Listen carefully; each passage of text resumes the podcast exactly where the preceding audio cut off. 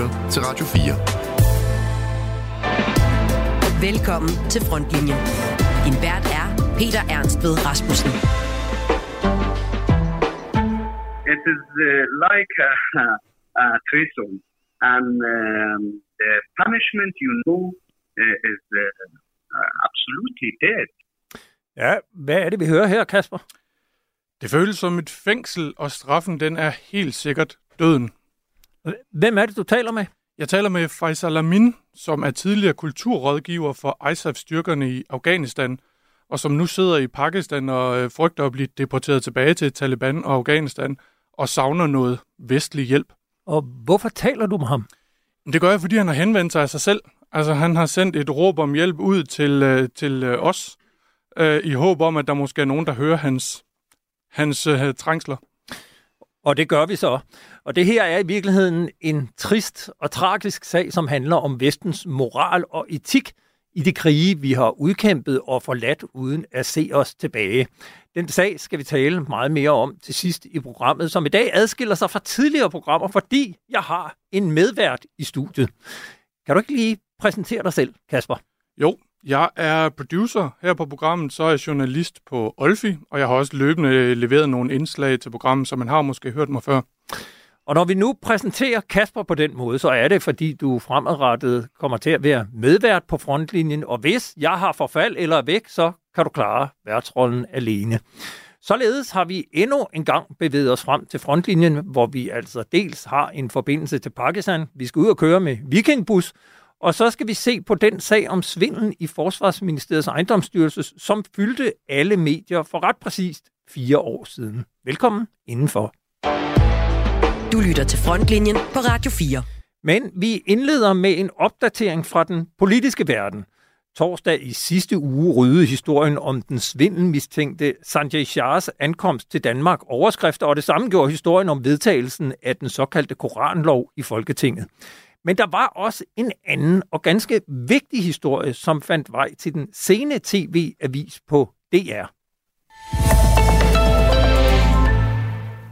For her der skal vi nemlig til nyt i sagerne om Forsvarets efterretningstjeneste og også Samsam. For her til aften har SF nemlig indgået en aftale med regeringen om, hvordan sagerne, altså om Forsvarets efterretningstjeneste og med Samsam, nu skal undersøges. Og derudover ja, så bliver tilsynet med efterretningstjenesterne også styrket med denne her aftale. Jeg er sådan set meget tilfreds med den pakke, hvor vi dels får undersøgt FE-sagen, vi får et styrket tilsyn med tjenesterne, men vi får sørme også en undersøgelse af samme som noget, som regeringen igen og igen har afvist. Ja, sådan sagde SF's Karina Lorentzen i øh, TV-avisen. Og nu kan jeg så byde velkommen til dig, Lars Trier Mogensen. Tak skal du have. Flittig og meget beskattet deltager i dette program. Politisk analytiker, radio- og podcastvært, forfatter og meget, meget mere. En samlet opposition havde krævet, at den kommende undersøgelse af FØ skulle forankres i Folketinget, men i sidste ende sprang SF fra og indgik en aftale med regeringen. Hvad handler den aftale om?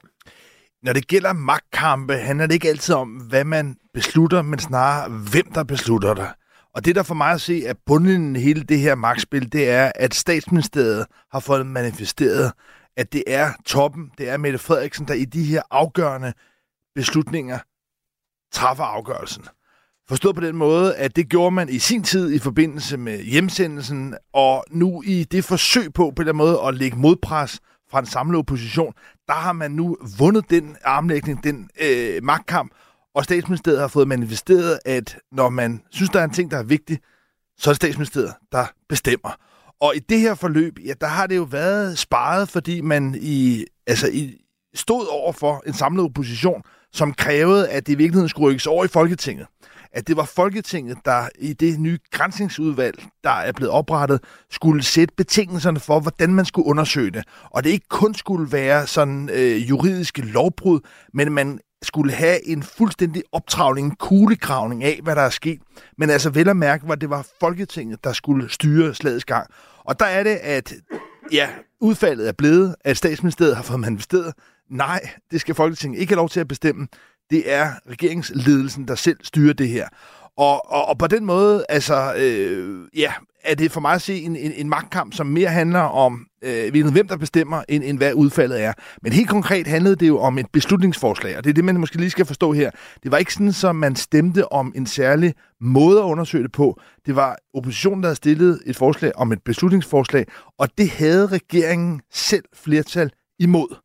Altså med det yderste Altså med Jon Steffensen og løsgænger osv., havde man lige præcis 88 mandater til at nedstemme det her beslutningsforslag. Men da man meget gerne på de her områder det hele taget gerne vil have flere partier med, ja, så fik man lukket SF med i en studehandel i sidste øjeblik, hvor man så lavede en aftale. Det er ikke noget lovforslag, det er sådan set en aftale, der senere skal udmyndes med en anden konstruktion. Men altså, man fik afværget oppositionens forsøg på at vride det over i Folketinget. Hvad er det så, der ikke bliver undersøgt, og som vi dermed formentlig aldrig nogensinde får svar på? Ja, det, der ikke bliver undersøgt, det er i virkeligheden det samlede sagsforløb. Altså, i sådan en kritisk kuglegravning. Det, der nu sker i stedet, det er en indsnævring til og en undersøgelse i virkeligheden, om der er begået lovbrud, om der er foretaget usaglige hensyn. Og med det er der sådan set et meget, meget snævert sådan juridisk mandat til de øh, landsretsdommere, som skal undersøge det, at de sådan set kun skal fokusere på mulige lovbrud. Og det, der er jo det gådefulde i hele det her forløb, det er, om der også har været andre hensyn, end ikke nødvendigvis ulovlige hensyn, men om der ligesom har været truffet beslutninger, måske bare med hovedet under armen, måske bare øh, vilkårligt tilfældigt, men på en måde, hvor man ikke kan sige, at det er ulovligt, men hvor det jo alligevel er ind med at kompromittere Danmark, efterretningstjenesterne og Danmarks omdømme. Og det er i virkeligheden den del af det, altså hele forløbet, øh, som nu i hvert fald bliver henlagt i mørke, og hvor man ved at snævre det ind på det juridiske, ser ud til at slippe af krogen, og i øvrigt, så fordi det er hemmeligt, får vi aldrig de egentlige konklusioner at vide, men man har ligesom, kan man sige, fået indsnævret undersøgelsen til så lille et, et område, og et så skarpt juridisk, at vi ikke får optravlet det samlede forløb. Du nævnte selv, øh, hvordan det blev formuleret. Altså, da sagerne mod Lars Finsen og Claus Hjort Frederiksen henholdsvis tidligere, eller i virkeligheden siddende FE-chef, bare suspenderet, og så tidligere forsvarsminister Claus Hjort Frederiksen øh, faldt, der lovede regeringen, at den kommende undersøgelse også ville afdække, om der har været, det du nævnte, usaglige hensyn. Altså, skal vi tro på, at vi nogensinde får reelt noget at vide om usaglige hensyn, som vel er et begreb i elastikmål? Altså, vi får det ikke offentligt at vide, men man kan jo godt have den tiltro til øh, kommissionsundersøgelser og, og, og dommer, at de rent faktisk går altså øh, kritisk øh, uhildet ind i det. Og hvis det viser sig, at der rent faktisk har været altså usaglig hensyn, hvis der er sket noget, der er ulovligt, så tror jeg sådan set, at det vil komme frem i den undersøgelse. Pointen her er bare, at det i høj grad også har været en magtkamp. Altså tidligere havde man i forsvaret en kamp mellem forsvaret og forsvarsministeriet. Det er blevet forskudt ind nu i dag i højere grad til en kamp mellem forsvarssystemet og statsministeriet om, hvem det er, der bestemmer. Og, og, og den kamp, den magtkamp, altså hvem er det i virkeligheden, der, når det kommer til stykket, træffer beslutningerne? Det får vi ikke afdækket. Og på den måde er der virkelig, virkelig mange hjørner af det her, der vil fortsat henligge i mørke. Vi skal også lige øh, vende udviklingen i Forsvarsministeriet og de genoptagede forhandlinger om det første delforlig på forsvarsområdet. Mandag kunne netmediet Altinget berette, at regeringen vil bede en række civile konsulenthuse om at udarbejde op imod 35 analyser af forskellige emner på forsvarsområdet. Forslaget kræver, at forligspartiernes godkendelse kommer efter, at forsvarsledelsens eget oplæg til de kommende delforlig blev lækket til TV2, og i øvrigt høstet en del kritik. Hvad skal vi lægge i dette forslag, altså om en lang række analyser lavet af civile konsulenthuse, det her forslag fra regeringen? Jeg ser det altså også i lyset af de magtkampe, der foregår mellem statsministeriet og, og forsvarssystemet. Forstået på den måde, at det her er jo indlysende noget, der kommer til at trække det i langdrag. Noget, der kommer til at komplicere det. Og noget af det, jeg hører, som jeg synes er opsigtsvækkende, det er, at der eksempelvis i statsministeriet er et meget stærkt ønske om, at Danmark skulle indkøbe Tomahawk-missiler. Altså en, en meget kontroversiel beslutning. Det var også noget af det, der lå i, i, i de oplysninger, der kom frem i TV2. Men, men det er opsigtsvækkende forstået på den måde, at der er ikke på nuværende tidspunkt nogen andre EU-lande, som har Tomahawk-missiler. Det er USA, og det er britterne, der har det. Og det, at det er statsministeriet, der driver sådan en meget konkret altså, øh, våbentype frem, det er noget, der har skabt øh, altså, kan man sige, stor opsigt på Slottsholmen.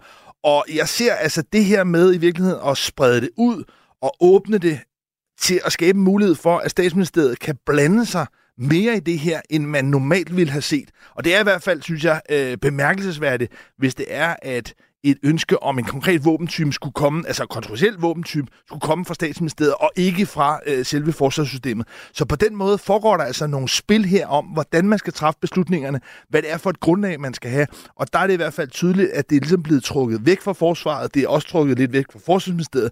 Det er noget, der ligesom er rykket op på det øverste regeringsplan. Og Tomahawk-missiler er et såkaldt strike-missil, som eksempelvis kunne bruges til at ramme Kaliningrad, russiske missiler i Kaliningrad, øh, som i den grad er kontroversielt, men Lars Trier Mogensen, politisk analytiker, hvorfor blander statsministeriet sig så meget? Ja, det er der jo, om man så må sige, to skoler. Den ene tager udgangspunkt i, at det her er jo en af de absolut største investeringer, vi står overfor.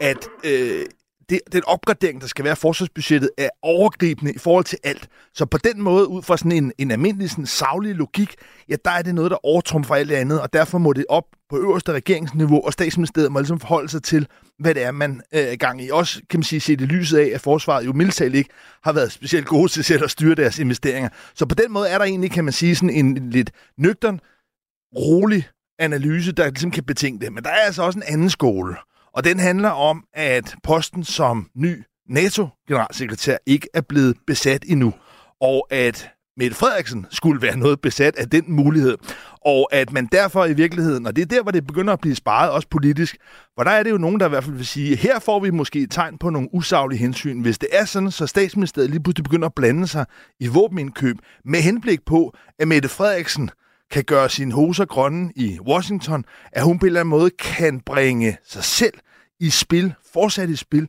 til posten som øh, NATO's øh, generalsekretær, simpelthen ved at gå ind, i hvert fald i første omgang, og ja, antyde, at Danmark kunne være interesseret i at købe øh, Tomahawk. Det, det er altså en, en, en opsigtsvækkende beslutning, hvis Danmark skulle gøre det. Også et brud, kan man sige, med vores forsvarspolitiske linje. Men det er der altså en del, der ser ikke bare som et udtryk for, at det er en vigtig beslutning samlet set med forsvarsbudgettet, øh, men også at Mette Frederiksen er interesseret i at blande sig, fordi at hun dermed kan bringe sig måske tættere på posten som NATO-generalsekretær. Øh, altså for nylig skrev norske VG, at den hollandske premierminister Mark Rutte er favorit til at overtage jobbet som generalsekretær i NATO efter Jens Stoltenberg.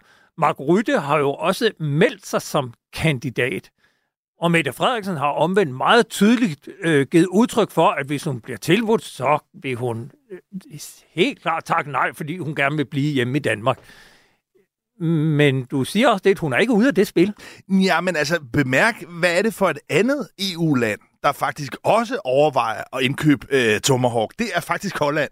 Så på den måde virker det jo til, at der i hvert fald er et spil om, at det land, der er villig til at gå længst ind, regeringsleder, der har været villig til at gå længst, måske også, kan man sige, bringe sig tættere på. Jeg tror ikke, der er nogen tvivl om, at Mark Rutte bredt anerkendes som at være den mest oplagte kandidat.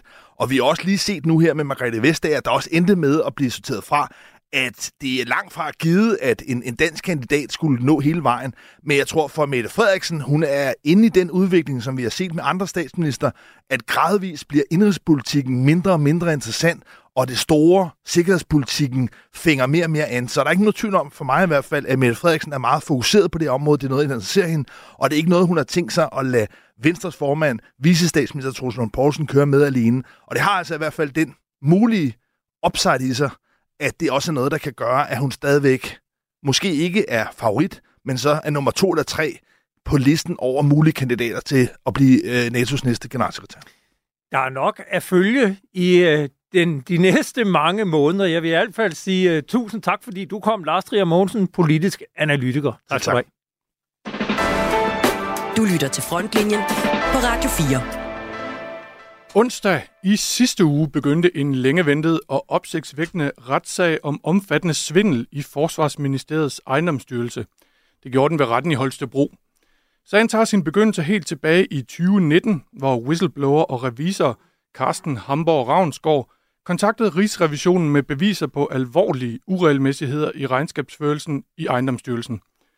Carsten Hamborg Ravnsgaard var selv blevet ansat som økonomiansvarlig hos en privat elinstallatør i Holstebro, som leverede tjenesteydelser til ejendomsstyrelsen, og herfra kunne han se, hvordan samarbejdet med ejendomsstyrelsen havde en opsigtsvækkende og formentlig ulovlig karakter. Jeg kom jo ind i jobbet og, og, og øh, blev gjort opmærksom på, at der var nogle, nogle ting med, med, med Forsvarsministeriets ejendomsstyrelse der. Og så da vi var nået op mod nytår, så, så kunne jeg bare se, at der, hvor jeg skulle til at sætte mig, sætte mig helt ind i tingene. Der var noget, der stak helt af øh, med hensyn til, til fakturering og så for ting, som ikke var udført. Og så kunne man se, at der var ting, der blev, når jeg gravede tilbage i dataene, at der var, der var nogle ting, der blev købt, øh, som alt andet lige ikke havde med, med de projekter at gøre, som de var bestilt til. Og, og øh, hvad, hvad var det konkret, du kunne se, der foregik?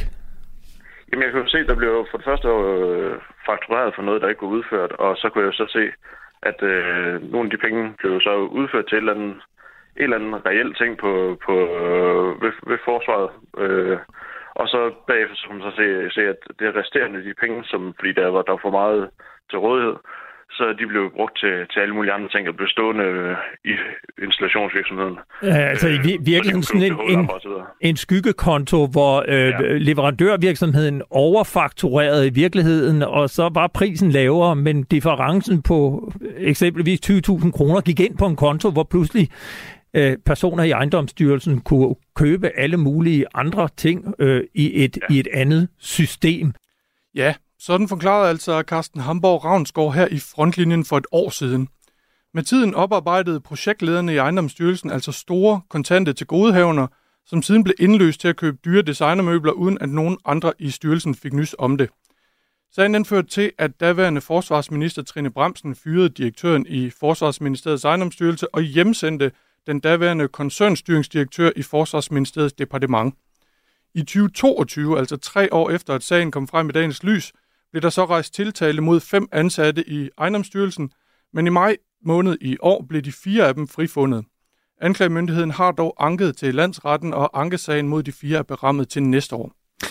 Sagen mod den hovedmistænkte, en 66-årig tidligere projektleder i ejendomsstyrelsen, måtte i første omgang udskydes på grund af sygdom. Men i sidste uge begyndte denne sag ved retten i Holstebro, og her sad du på tilhørerrækkerne. Simon Hyllested, velkommen til. Mange tak. Journalist på TV MidtVest, du har dækket sagen og også skrevet om den på jeres hjemmeside. Hvad er det mere præcis, den 66-årige står tiltalt for at have foretaget sig, og hvor, hvor meget beløber svindlen sig til? Jamen, altså, han er jo tiltalt for at have brugt sådan øh, 2,9 øh, millioner kroner cirka af ejendomsstyrelsens penge på, på ting til sig selv. Øh, og det er jo sådan forskellige ting, altså designermøbler, det blev nævnt to, øh, Børge Mogensen stole, lamper, byggematerialer, havemaskiner, øh, forskellige ting, som, som, øh, ja, som i hvert fald ikke er kommet øh, forsvaret til, øh, til gavn, kan man sige. Og hvordan forholder han sig selv til øh, tiltalerne? Jamen, altså, han erkender jo øh, stort set det hele. Altså, anklagemyndigheden gennemgik øh, samtlige af de her indkøb, som nu skulle, skulle være gjort, og og det er få indkøb, hvor, hvor han siger, det, det, det mener han ikke, eller det kan han ikke lige huske. Altså, i det store hele erkender han sådan set at have øh, øh, ja, haft en finger med i spillet på, på de her forskellige indkøb. Kan du ikke lige prøve at tage os med ind i retten? Altså, hvordan så han ud? Hvad havde han på? Og, og hvordan var stemningen der i, i retten?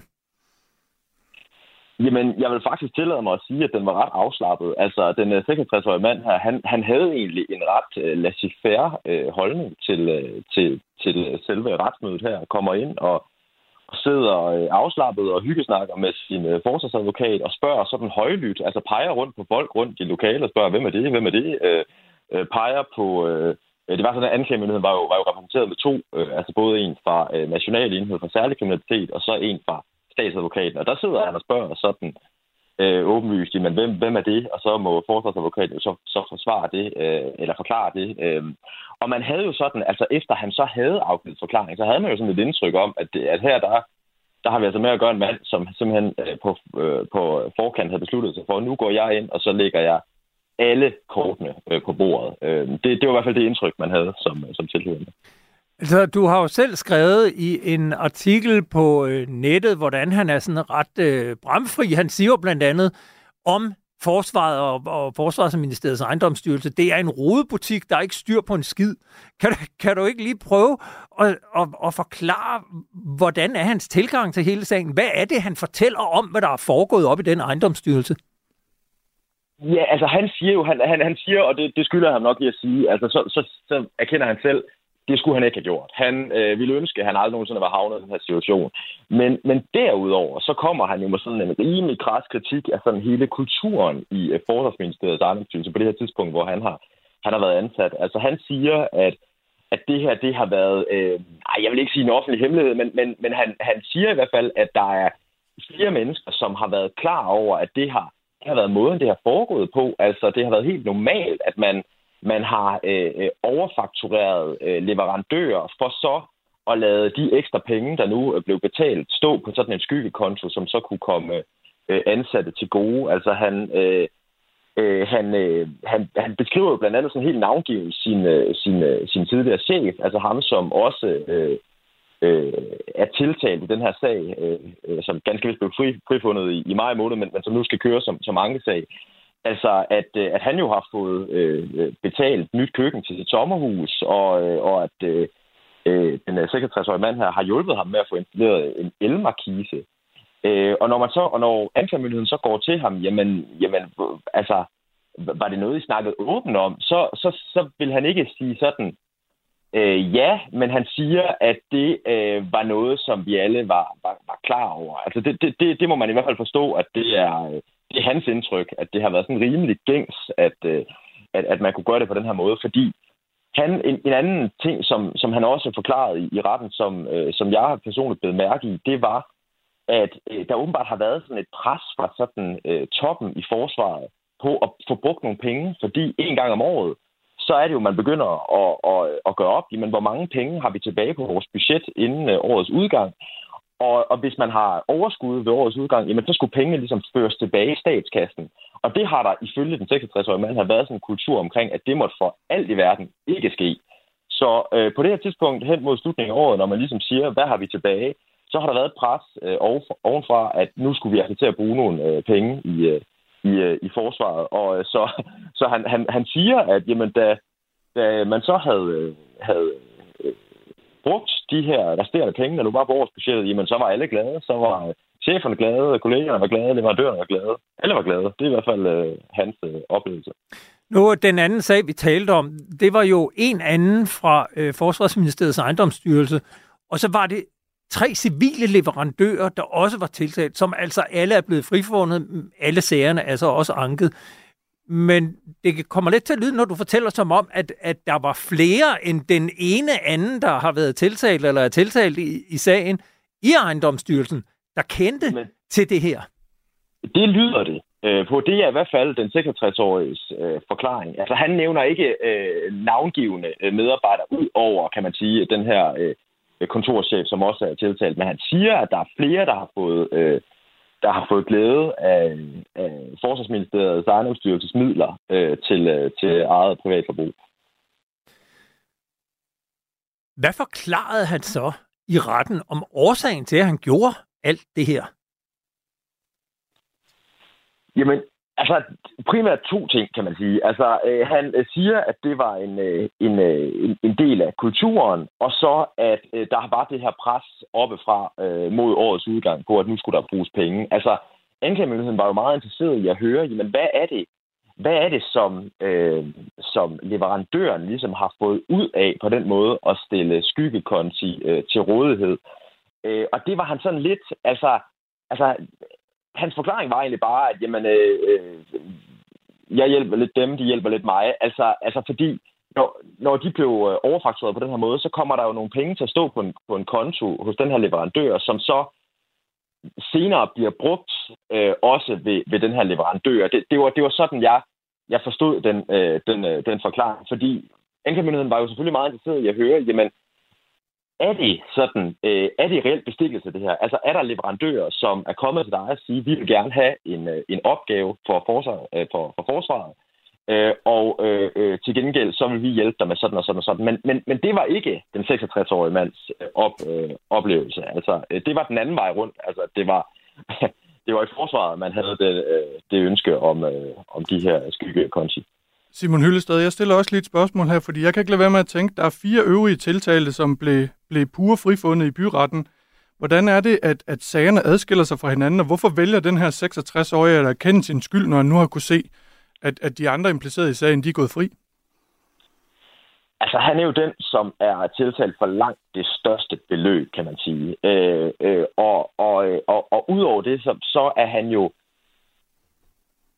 så, så virker det som om, at han i hvert fald ikke har meget til overs for øh, sine øh, tidligere chefer. Altså det, det er jo sådan, at, at øh, øh, kontorchefen her, som jo fik installeret et nyt køkken tilbage i 2014, øh, der var betalt af forsvaret, han vælger jo faktisk, da sagen ruller i, øh, i øh, begynder at rulle der i slutningen af 2019, så vælger han i starten af 2020 at betale det her køkken selv, altså seks år efter. Øh, øh, og, og det og det var noget, som han øh, ikke gav øh, ret meget for, øh, den, øh, den 66-årige mand her. Så, så det virker, det, og nu, nu skal jeg selvfølgelig passe på med sådan at lege øh, adfærdspsykolog, men det virker også som om, øh, som om at han har, øh, han har ikke meget til over for, øh, for sin øh, tidligere øh, kontorchef. Han, øh, han har i hvert fald et, et behov for at fortælle, hvordan han har oplevet, øh, oplevet sagen. Det, det kan jo i virkeligheden... Jeg, jeg fortalte, at, at sagen mod ham her blev udsat på grund af sygdom, men når man nu ved, at de fire andre blev frifundet, og ham her, der sidder på tiltale eller anklagebænken nu, siger, som han gør, så, så kan det jo virke overraskende, at, at man ikke har valgt at sige, at man vil vente med de fire andre sager til ham her. I hvert fald også havde været inde og fået sin sag prøvet. Og har du talt med anklagemyndigheden om, hvad deres overvejelser har været omkring sådan det helt øh, praktiske i, øh, i det her sagsforløb? Nej, det, det, det har jeg ikke. Altså man kan sige, at forklaringen er jo længerevarende sygdom, og det er jo ligesom derfor, man var nødt til at, at særskille hans øh, sag. Men, men noget andet interessant, som, som jo skete under retsmødet, det var jo, at øh, fordi der kører en ankesag med tre andre tiltalte, så var der jo tre øh, advokater til stede på tilhørpladserne, som jo så repræsenterer de her tre, øh, øh, der nu skal igennem en ankesag, hvor den ene advokat faktisk ønskede at få den her sag sat i bero, inden ankesagen var afgjort. Øh, det kan man godt forstå. Ja, det, det, det, det kan man nemlig godt forstå. Øh, det, det, det valgte dommeren så ikke at, at imødekomme, men, øh, men det var da om ikke andet øh, en, øh, en interessant øh, lille ting, der, der udspillede sig før selve det, det reelle retsmøde begyndte. Hvilken strafferamme er der på sådan en sag her? Altså, hvad risikerer den 66-årige mand øh, af straf? Om vi må gå ud fra, at han bliver dømt skyldig, når han erkender en række forhold? Altså, anklagemyndigheden har jo faktisk øh, øh, gjort det usædvanligt ikke at nævne noget om øh, fængselsstraf endnu. Altså, øh, der er... Øh, øh, anklagemyndigheden har nedlagt påstand omkring erstatning, og så ligesom konfiskation af de her ting, og så er der sådan en, en formulering i anklageskriftet, som siger, og så henholder vi os retten til ligesom at, at pålægge yderligere øh, straf øh, senere hen. Så, så, øh, så, så vi ved faktisk ikke på nuværende tidspunkt, hvor det ender øh, endnu, men, men, men i den sag, der kørte i foråret, der var der jo ligesom et krav om, om, om fængselsstraf. Øh, men øh, hvor stor den bliver, det, det er nok øh, for tidligt at sige øh, på nuværende tidspunkt. Der er sådan en ting, der undrer mig, netop fordi, at øh, vi får at vide, at han erkender sin skyld. Altså, så vil man jo tro, det kørte som en almindelig tilståelsessag, og en tilståelsessag er jo som regel en, man kan øh, afvikle forholdsvis hurtigt, fordi man bare skal ramse op, hvad han er tilladt for, og så kan han sige, ja, det har jeg gjort, og så er man fri for at føre en masse vidner. Men omvendt ved jeg jo også, at øh, Carsten Hamborg Ravnsgaard, som vi hørte tidligere indslaget, han er indkaldt som vidne i sagen efter nytår. Hvad er årsagen til, at man fører sagen, fører vidner, øh, når han i virkeligheden erkender langt de fleste forhold? Har du nogen idé om det? Altså, fordi det var faktisk også sådan, øh, der, der øh, udspillede sig sådan lidt øh, interessant øh, ordveksling mellem øh, øh, anklager og forsvar, sådan øh, efter det kom frem, at han erkender, øh, øh, så, øh, så, øh, så kigger øh, anklagemyndigheden sådan over på forsvaret og siger, men, men jeg tænker ikke, at vi sådan kan køre den som en, en almindelig øh, tilståelsessag, øh, og, og det, øh, det, øh, det øh, nikker øh, forsvaret så til. Så altså, der er jo i hvert fald noget, der tyder på, at der er et, øh, et, øh, et, et behov for begge sider for ligesom at høre den 56-årige mands øh, forklaring her.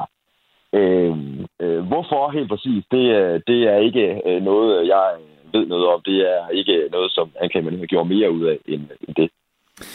Jeg vil under alle omstændigheder sige tak, fordi vi måtte ringe dig op og øh, finde ud af, hvad det er, der foregår i den sag. Tusind tak til dig, Simon Hyllested, journalist på TV MidtVest. Tak. Lytter til Frontlinjen på Radio 4. Sidste uge kunne vi her på frontlinjen fortælle om forsvarets brug af civile busser til transport af soldater, når de skal på skydelejr, øvelse og i øvrigt transporteres rundt i landet. Forsvaret må eller vil ikke længere transportere soldater på ladet af lastbiler, og så kniver det i øvrigt med volumen af vognparken, der slet og ret ikke transportmidler nok. Det glæder de formentlig sig, eller det glæder de sig formentlig over i selskabet Viking Booster i 2021 indgik en rammeaftale med forsvaret, og i dag stiller med sine karakteristiske blå, hvide og røde busser, når forsvaret ikke selv kan facilitere persontransporten. Alene i år frem til den 24. november har forsvaret købt civiltransport hos Vikingbus for samlet 9,7 millioner kroner. Det er dog ikke alle, der er lige begejstrede for brugen af busserne, som til daglig også anvendes til turistfart og som billige fjernbusser mellem landstenene. Premierløjtnant Morten Kruse fra Slesvigske Fodregiment kunne i sidste uges udgave af Frontlinjen fortælle, hvordan det infanterikompani, hvor han selv er næstkommanderende i indeværende år, har brugt 165.000 kroner på at hyre civile busser fra Vikingbus det er han mildest talt træt af, selvom det faktisk ikke er pengeforbruget, der går ham mest på. Ja, altså, der, der er jo mange øh, forskellige øh, problematikker i det her. Øh, overordnet set, så, så er det jo egentlig endnu et eksempel på, at der er en, en administrativ øh, styringsparadigme, der har forrang over den militære nødvendighed og det operative behov. Øh, således at det ikke er uddannelsens soldater, der er, der er i højsædet, men øh, det simpelthen er, er nogle administrative regler, vi selv finder på i forsvaret. Øhm, og hvis man skal kigge på specifikt det her med Vikingbus, jamen, så er det jo et køretøj, der ikke på nogen måde øh, har nogen specielt operativ værdi. Øh, og det er jo øh, problematisk i forhold til en, øh, en konfliktsituation. Der kan vi jo ikke køre rundt i en Vikingbus. Ja, vi ville og vil gerne fortsat tale med en repræsentant for forsvaret om, hvordan man forholder sig til kritikken af ordningen. Det har indtil videre ikke været muligt, men det er ikke fordi, vi ikke har prøvet, og det er jo faktisk dig, Kasper, der har, prøvet, der har siddet med historien her. Hvordan har du prøvet at få forsvaret i tale? Jamen, jeg, jeg har gået den slagende vej gennem Forsvarskommandoen, og det gjorde jeg allerede mandag i sidste uge, hvor jeg spurgte om, der dog ikke kunne være en, der kunne stille op til sidste onsdags udgave af frontlinjen. Det lod sig ikke gøre, øh, og så sendte jeg skriftlige spørgsmål i stedet for, dem, dem venter vi stadig på svar på. Ja, og det, og det er jo så nu over en uge siden. Hvad fik du at vide? Jeg fik at vide, at for det første, så kunne det ikke lade sig gøre for en til at stille op. Altså fordi, at øh, nogle af spørgsmålene skal besvares i et regi ude ved FMI, Forsvarsministeriets Materiel- og Indkøbsstyrelse, vil jeg gå ud fra. Nogle andre ved øh, JM2, Joint Movement and Transportation Organization, som står for at hyre busserne ind.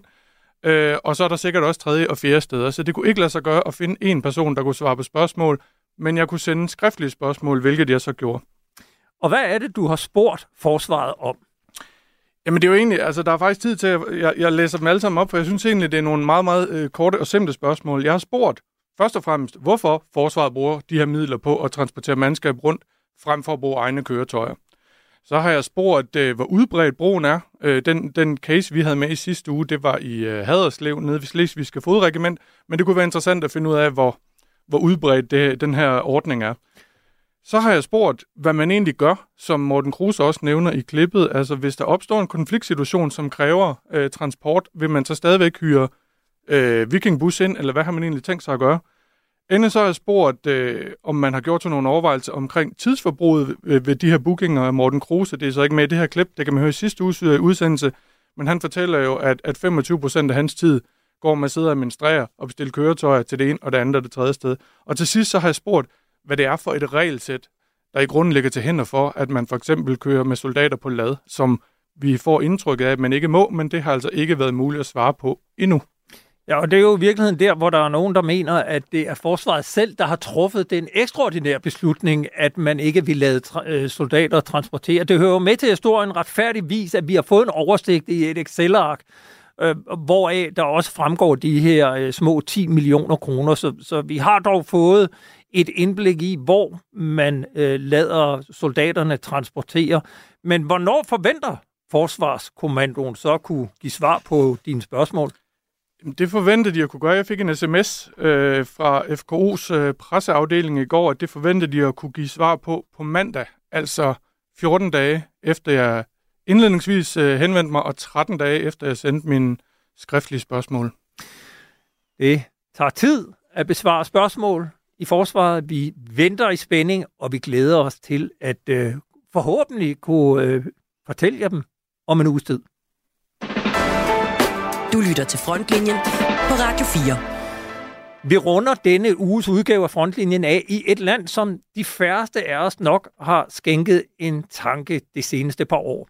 I starten af november fik Kasper her, Kasper Junge Vester, en mail fra afghanske Faisal Amin.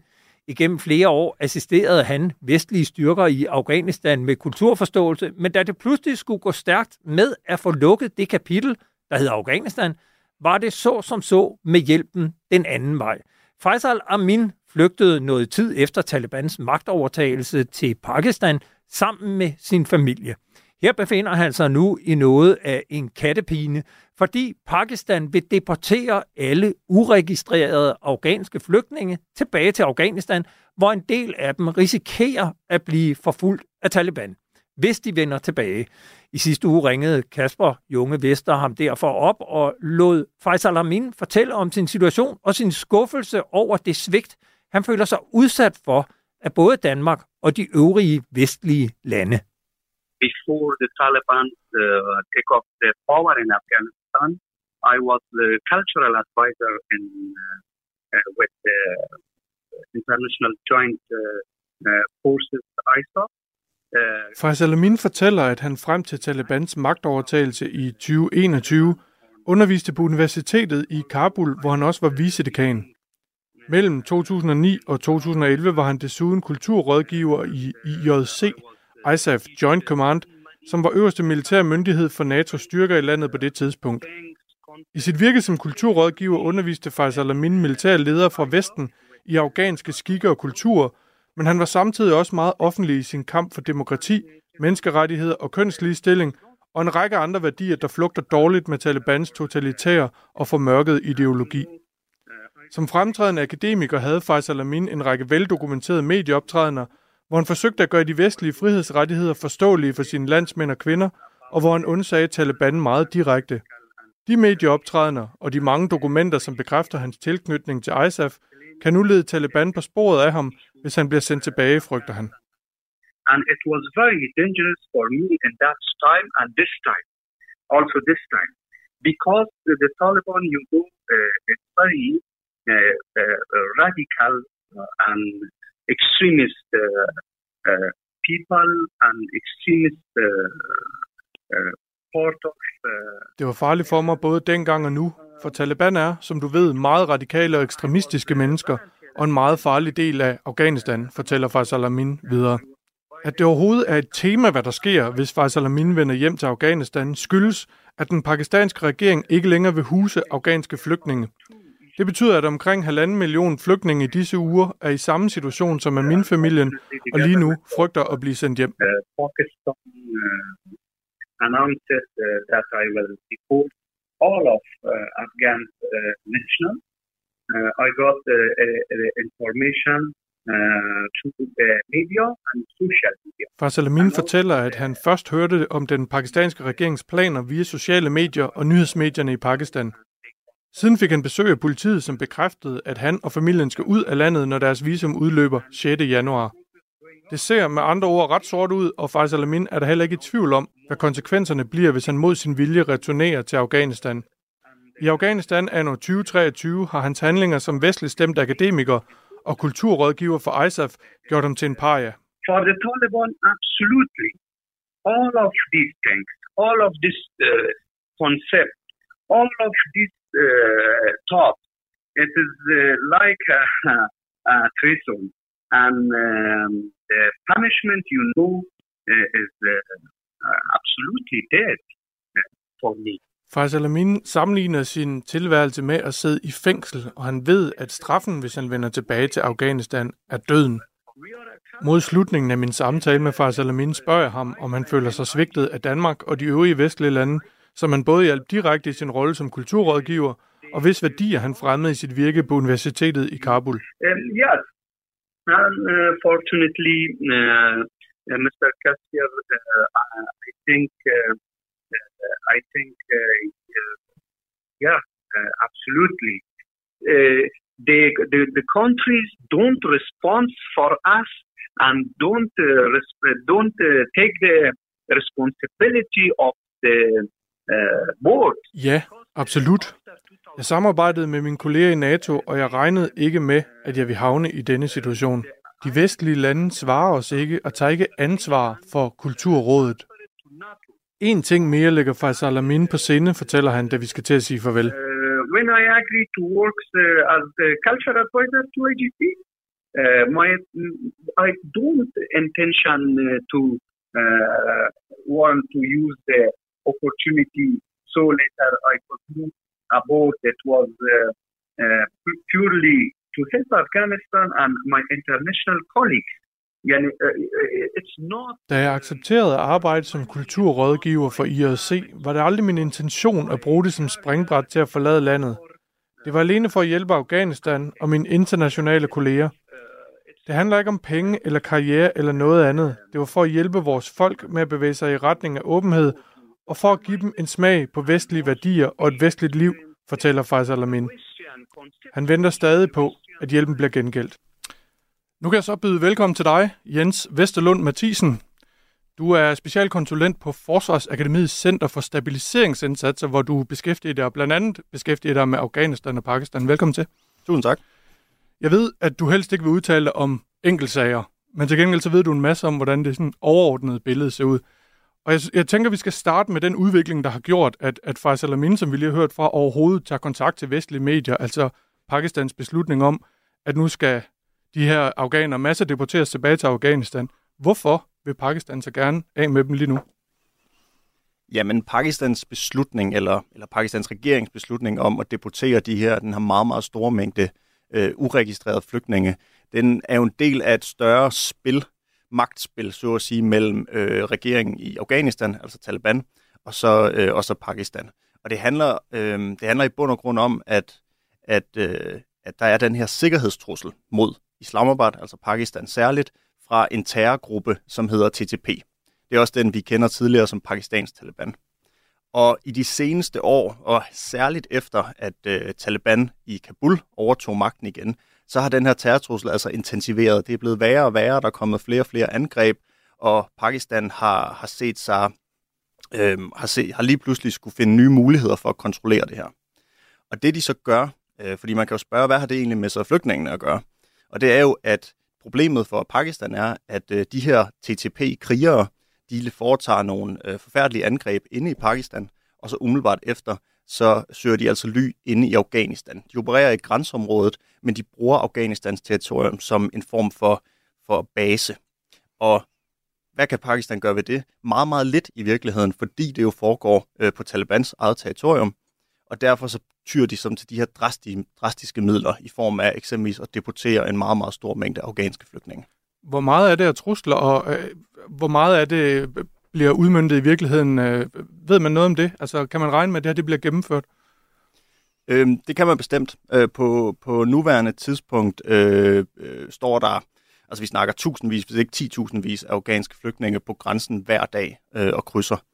Øh, jeg mener, det seneste tal, jeg så, var, at øh, over 600.000 havde øh, allerede krydset og var inde i Afghanistan nu. Øh, så det her, det er meget reelt, øh, og det er noget, som, øh, som, som fortsat i hvert fald bliver gennemført. Men det er også noget, som kommer til at tage øh, uger, hvis ikke måneder, og kommer til at fortsætte i, i det næste lange stykke tid. Mange, mange af de her berørte afghanske flygtninge, inklusive i øvrigt Faisal Amin og hans familie, de venter på at få deres sag behandlet af FN i, i Pakistan. Øh, nu var det ikke med i det her klip, men Faisal Amin fortæller blandt andet, at han blev lovet et interview, da han kom til Pakistan for halvandet år siden, men han har ikke hørt noget. Hvad, hvad sker der? Hvorfor, hvorfor øh, nøler FN sådan med, med behandlingen af de her sager? Ja, men det, i virkeligheden tror jeg ikke, at FN nøler. Jeg tror, de om nogen godt ved, hvor, hvor vigtigt det er at få dokumenteret og registreret de her flygtninge. Øhm, men det er i bund og grund et øh, ressourcespørgsmål. Altså, der er, øhm, jeg mener, Pakistan siden øh, Afghanistans hvad kan vi sige, konfliktsituation startede, der har jo været en eller anden form for, for konflikt inde i landet i de sidste 50 år, har Pakistan taget næsten 5 millioner afghanske flygtninge alene. Øhm, og det her, det her har et kæmpe, det lægger et kæmpe stort pres på det pakistanske system og FN-systemet, der håndterer det her. Øhm, så det er i bund og grund, at der er simpelthen ikke, øh, der er ikke mandskab, der er ikke øh, penge, der er ikke ressourcer til at tage de her interviews med hver enkelt flygtning, hver enkelt familie øh, tidsnok. Øh, I hvert fald ikke tidsnok til, at Pakistan så når at lave den her melding om, at nu skal de pludselig forlade landet. Jeg forestiller mig, at Fars Amin måske øh, sådan på et rationelt plan kan forstå det, men, men følelsesmæssigt måske har lidt svært ved at, at mønstre en forståelse for, at han ikke får den hjælp, han synes, øh, han, han har krav på. Øh, men måske skal vi egentlig tale om hans frygt for overhovedet at vende tilbage, altså fordi, hvad er det, der venter afghanske øh, statsborgere i Afghanistan, når de kommer hjem? Jeg går ud fra, at der er forskellige kategorier. Der er nogen, der sådan er klassiske flygtninge, og så er der nogen, der måske være politisk i fare, hvis de vender tilbage til Afghanistan. Hvad, hvad kan man egentlig se frem til, eller hvad har man at frygte i Afghanistan som, i en situation som Faisals? Jeg, jeg tror, inden, inden, inden jeg svarer på spørgsmålet, så tror jeg, det er meget vigtigt at forstå og, og anerkende, at på nuværende tidspunkt, så ved vi meget, meget lidt om, øh, hvordan det rent faktisk foregår i Afghanistan. Øh, jeg, jeg vil sådan set næsten sige, at vi aldrig på noget tidspunkt øh, i de seneste mange år har vidst mindre om, hvad der rent faktisk foregår. Så det korte svar vil jo være, at vi ved ikke, hvordan Taliban reelt vil håndtere øh, de her flygtninge med særlig status. Men som jeg ser det, så tror jeg, at, øh, at flygtninge, der, der øh, ikke har haft en forbindelse til NATO, til vestlige styrker, øh, særligt amerikanske, har været en del af det tidligere forsvarsministerium osv., jeg tror sådan set ikke, at de vil modtage, øh, hvad kan man sige, de vender tilbage til, til et land, som er øh, økonomisk i knæ, som er plaget af sult, øh, enorm fattigdom, men de vil ikke sådan blive forfulgt eller arresteret på den måde. Øhm, desværre er der så også en gruppe, som, som jo øh, har været forbundet med det tidligere styre, har været forbundet med den vestlige tilstedeværelse i Afghanistan, og her er det situationen nogen anden. Øhm, igen, vi ved ikke præcis, hvordan det vil spille sig ud, men vi ved, at den afghanske efterretningstjeneste, som den er lige nu, er meget effektiv og er meget dygtig til rent faktisk at finde og opspore de her mennesker, som har øh, som de ligesom anskuer som en trussel mod øh, styret. Hvordan øh, har Taliban historisk set behandlet politiske fjender? Øhm, jamen dårligt. Øhm, altså Taliban har jo set sig som hvad kan vi sige, antitesen til, til den vestlige tilstedeværelse, til besætterne, øh, som, som øh, det bliver beskrevet. Øhm, og alt, der bliver forbundet med det, øh, øh, er, jo, er jo ligesom et symbol på den smertefulde historie, som Afghanistan har gået igennem, de 20 års besættelse. Øh, og så er der alle de her afghanere, som mest af alt nok bare øh, havde et arbejde og fik øh, mad på bordet, men som jo øh, samarbejdede med NATO-styrker.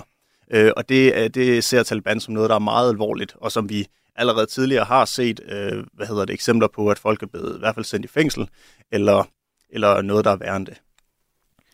Fasal han nævner, at han slet ikke kan forsvare fra nogle af de NATO-lande, han gennem sit virke for IOC, altså øh, ISAF Joint Command, har hjulpet. Han sad i det her kulturråd, eller den her kulturbestyrelse, eller hvad man skal kalde det. Hvor, hvordan kan det være, at Afghanistan på den måde glædet ud af vores fælles bevidsthed, øh, og, og har det udsigt til at ændre sig, tror du? Som, som, som jeg ser det, så, så er, er Afghanistan jo noget, som, som vi jo helst ikke vil se tilbage på. Og nu siger jeg vi, som, som Danmark, eller som Europa, eller NATO, eller Vesten generelt. Øhm, det, øh, jeg havde en kollega, der den anden dag beskrev det som en form for politisk PTSD.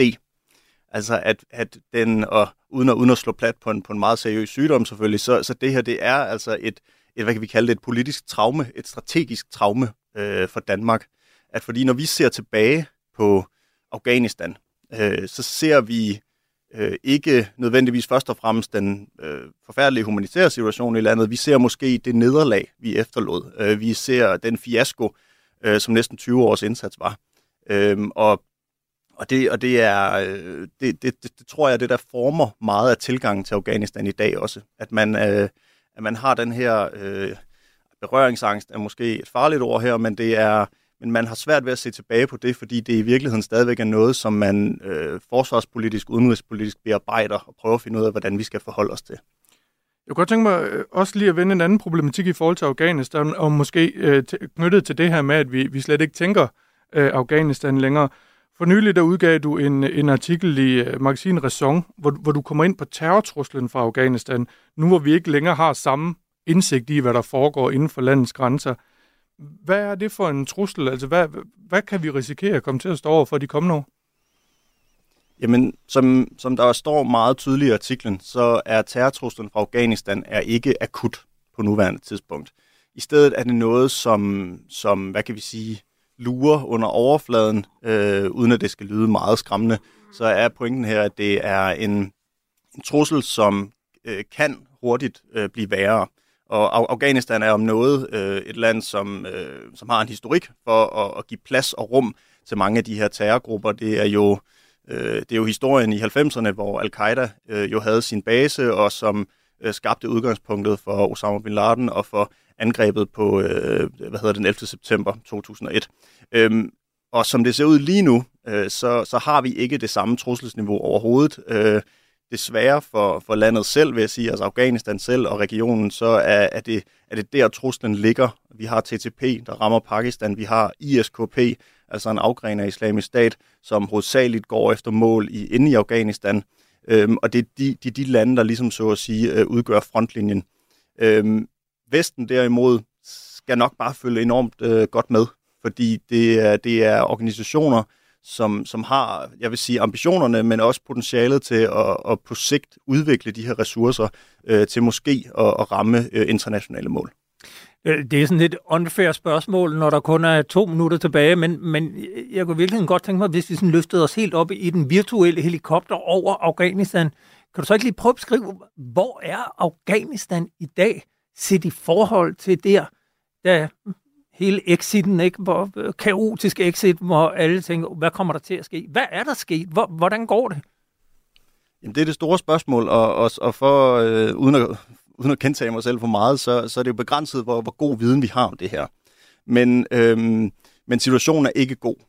Øh, særligt det økonomiske og den humanitære situation i landet er, er rigtig dårlig. Øh, der er en stor del af befolkningen, som, som lever under fattigdomsgrænsen.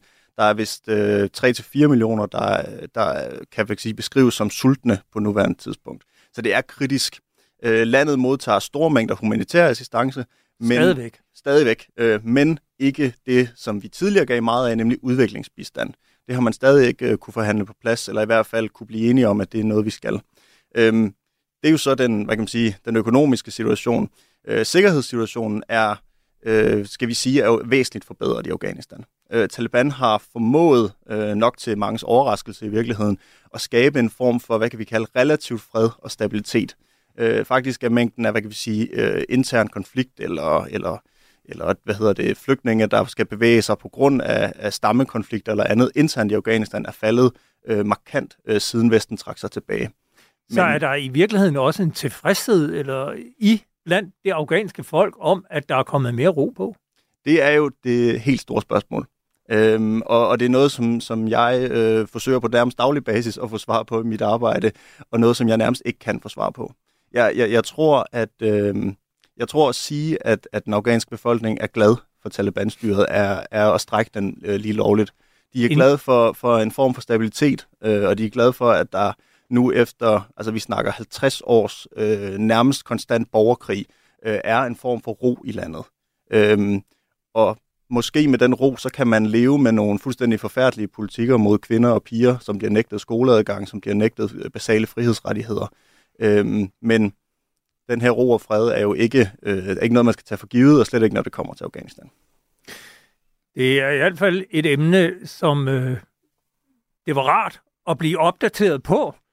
Du skal have tusind tak, fordi du øh, kom ind og gjorde lytterne opdateret vores viden på Afghanistan. Jens Vesterlund Mathisen, specialkonsulent på Forsvarsakademiets Center for Stabiliseringsindsatser, hvor du altså beskæftiger dig indgående med Afghanistan og Pakistan. Og lov og ring, når du nu bliver får mere viden om, hvordan det egentlig går, så skal vi nok øh, hive dig ind igen. Tak for det. Vi når ikke mere i denne udgave af Frontlinjen, som blev produceret af Olfi for Radio 4. Mit navn er Peter Ernst ved Rasmussen. Og jeg hedder Kasper Junge Vester. Husk, at du altid kan skrive til os med ris, ros eller gode idéer til emner, som vi bør tage op på frontlinjen snablag radio4.dk. Efter nyhederne er der kranjebrud, som i dag handler om sandsynligheden for at få et barn med autisme. Skre- svaret står skrevet i generne. Og tilbage er der så bare at sige tak for i dag, og på glædeligt genhør om en uge. Man har en død mand i et badekar på et hotelværelse. Krimiland genåbner sagen om et mystisk dødsfald i toppen af tysk politik. Der er ikke nogen som helst sådan umiddelbare synlige indikationer i retning af, om han er blevet myrdet, eller om han er begået selvmord. Genstand for genstand gennemgår Christoffer Lind og Anders Oris hotelværelset for spor. Livet er påklædt. Barsel, han har skjorte og slips på. Hvis vi begynder med at fokusere på badekar og på livet, så har han ikke sine sko på. Han har ikke nogen sko på. Lyt til Krimiland om Uwe Barschel i Radio 4's app, eller der, hvor du lytter til podcast. Radio 4. Det her, det, øh, det vil blive et mysterium. Ikke så forudsigeligt.